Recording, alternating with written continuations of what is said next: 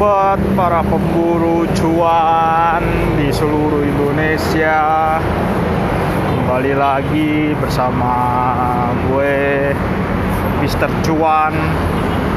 Di episode yang kali ini akan gue bikin sambil jalan ke stasiun.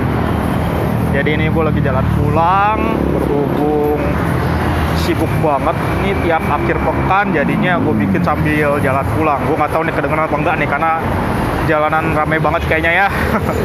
Semoga aja suara gue kedengeran gue juga lagi pakai masker karena lagi ramai tentang virus corona. Terus di episode kali ini apa yang akan gue bahas ya? Gue akan membahas tentang aksi buyback emiten di tengah pasar yang anjlok. Waduh aksi buyback ini apa ya dampaknya ya? Bisa jadi harga melonjak tinggi atau bagaimana nih? Oke jadi gua akan menjelaskan dari awal. Pertama sejak kasus corona terutama ketika Indonesia ada kasus yang positif dua orang itu terjadi kalau nggak salah di akhir Februari. Uh, harga indeks IHSG anjlok langsung parah di situ. Sampai tembus 5.300 dari posisi sekitar 5.600-an ya. Di situ anjlok. Nah, tapi bursa dan OJK masih santai. Namun ternyata virus corona melebar lebih jauh. Harga saham IHSG sempat menyentuh 5.100 pada perdagangan Senin 9 Maret 2020. Nah, di sini OJK langsung membuat kebijakan emiten bisa melakukan buyback langsung tanpa rups. Kebijakan serupa sebenarnya sudah pernah dilakukan saat 2015. Jadi waktu itu uh, kondisinya hampir serupa sih. Yuan melakukan Cina melakukan devaluasi yuan mendadak sekitar bulan Agustus. Lalu The Fed merencanakan kenaikan suku bunga. Nah, di situ IISG langsung anjlok. Dia turun hingga ke 4.900 dari level 5.500. Di sini OJK pun langsung menerapkan hal yang serupa yaitu buyback tanpa rups. Nah, setelah OJK mengeluarkan belet ini, uh, tepatnya kemarin sih setelah IISG sempat ke 5.100, uh, beberapa emiten BUMN langsung mengambil sikap yaitu akan melakukan buyback sekitar ada 12 emiten dengan anggaran sekitar 8 triliun katanya. Katanya. Cuman pas tidak ada lagi tuh yang paling besar tuh cuman BNI sekitar 1,8 T katanya. Ya intinya ada 12 emiten BUMN yang bakal melakukan buyback. Tujuannya tujuan dari melakukan buyback adalah agar menjaga harga sahamnya nggak jatuh lagi. Ibaratnya buyback ini bandarnya adalah si emiten itu sendiri gitu. Jadi dia menjadi market movernya hmm, untuk harga sahamnya sendiri. Nah, tapi apakah sebesar itu dampaknya? Mungkin dampaknya lebih ke psikologis untuk investor lainnya ya. Ketika melihat banyak transaksi, mereka juga jadi punya psikologi yang positif dan melakukan transaksi juga gitu. Makanya mungkin ini lebih ke karakter untuk menciptakan market mover sendiri untuk harga sahamnya sendiri. Untuk bakal akankah harga sahamnya melonjak lebih tinggi? gue sih uh, agak sanksi bakal melonjak lebih tinggi ya karena itu akan tergantung bagaimana situasi global bagaimana situasi ekonomi domestik dan fundamental dari emiten itu sendiri. Sekarang situasinya adalah uh, global ini dalam tekanan besar. Karena virus corona sepanjang satu kuartal pertama 2020 artinya ekonomi global dipastikan akan melambat per tahun ini. Dan itu menjadi tantangan tersendiri terutama untuk Indonesia yang ekspor yang eksportir bahan baku.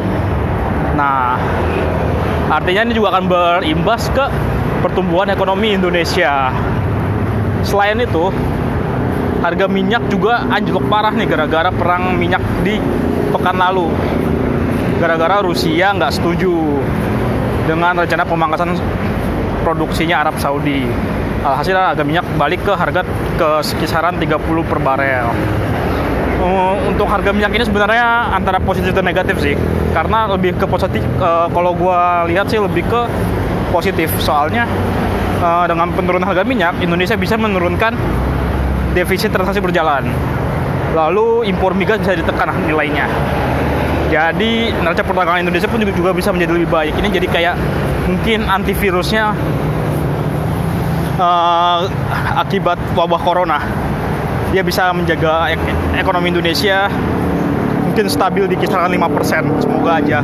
Tapi itu baru prediksi kasaran gue ya. Gue belum melihat dampak jauh dari virus corona ini.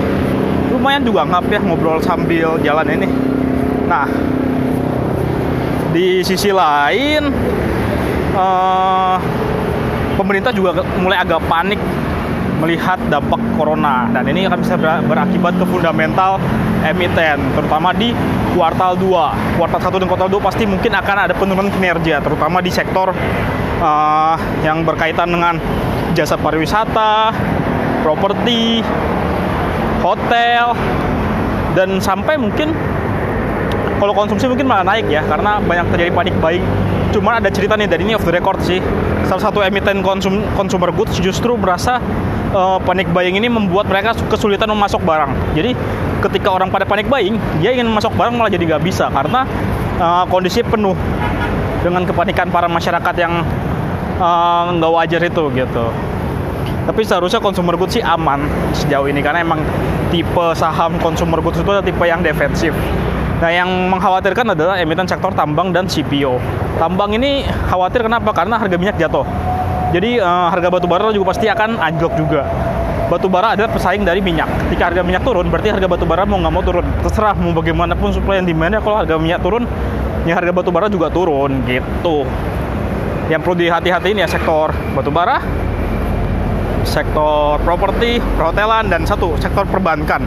Sektor perbankan ini akan terkena imbasnya ke rasio kredit bermasalah dengan kondisi ekonomi yang melambat berarti tingkat kemampuan perusahaan membayar utang juga akan menjadi lebih rendah sehingga ada resiko uh, kredit bermasalah saat ini gitu. Ini jadi mengingatkan pada periode 2014-15 di mana dampak dari uh, perlambatan itu baru akan terasa 6 bulan atau setahun kemudian ketika perusahaan itu mengalami kesulitan keuangan apalagi yang punya portofolio di sektor tambang dan komoditas. Itu sangat riskan sekali untuk resiko kredit bermasalah.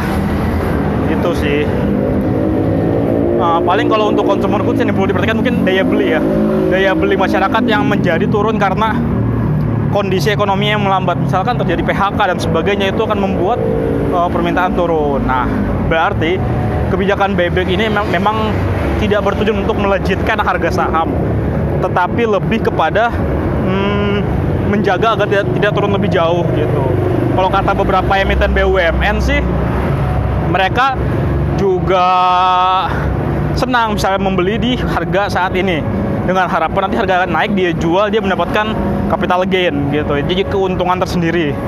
Mungkin ntar kita kita bisa lihat di laporan keuangannya seberapa besar keuntungan mereka dari aksi buyback ini. Karena kan kita nggak tahu dia belinya kapan dan dia jualnya kapan. Karena nggak ada rups gitu. Tanpa rups itu sih untuk update tentang kondisi pasar saham saat ini. Nah, kayaknya sampai di sini dulu aja obrolan sambil berjalan ke stasiun bersama Mr. Cuan. Kita akan tunggu episode-episode selanjutnya apa yang akan gue bahas. Oh ya, untuk yang punya banyak pertanyaan tentang apa sih perang minyak itu gitu, kalian bisa membacanya di sturarianto.id. Di situ akan ada sebuah cerita sejarah, bukan sejarah juga sih, adalah kisah uh, perang minyak dalam satu dekade terakhir. Jadi dari 2010 sampai 2020 itu terjadi dua kali perang minyak. Ayo kapan aja, siapa yang tahu? Kalian tahu langsung saja komen di Mr. Cuan. Jangan lupa ajak temennya untuk follow IG Mr. Cuan di Mr. Cuan 99 ya. Oke, semuanya terima kasih. Selamat malam. Bye bye.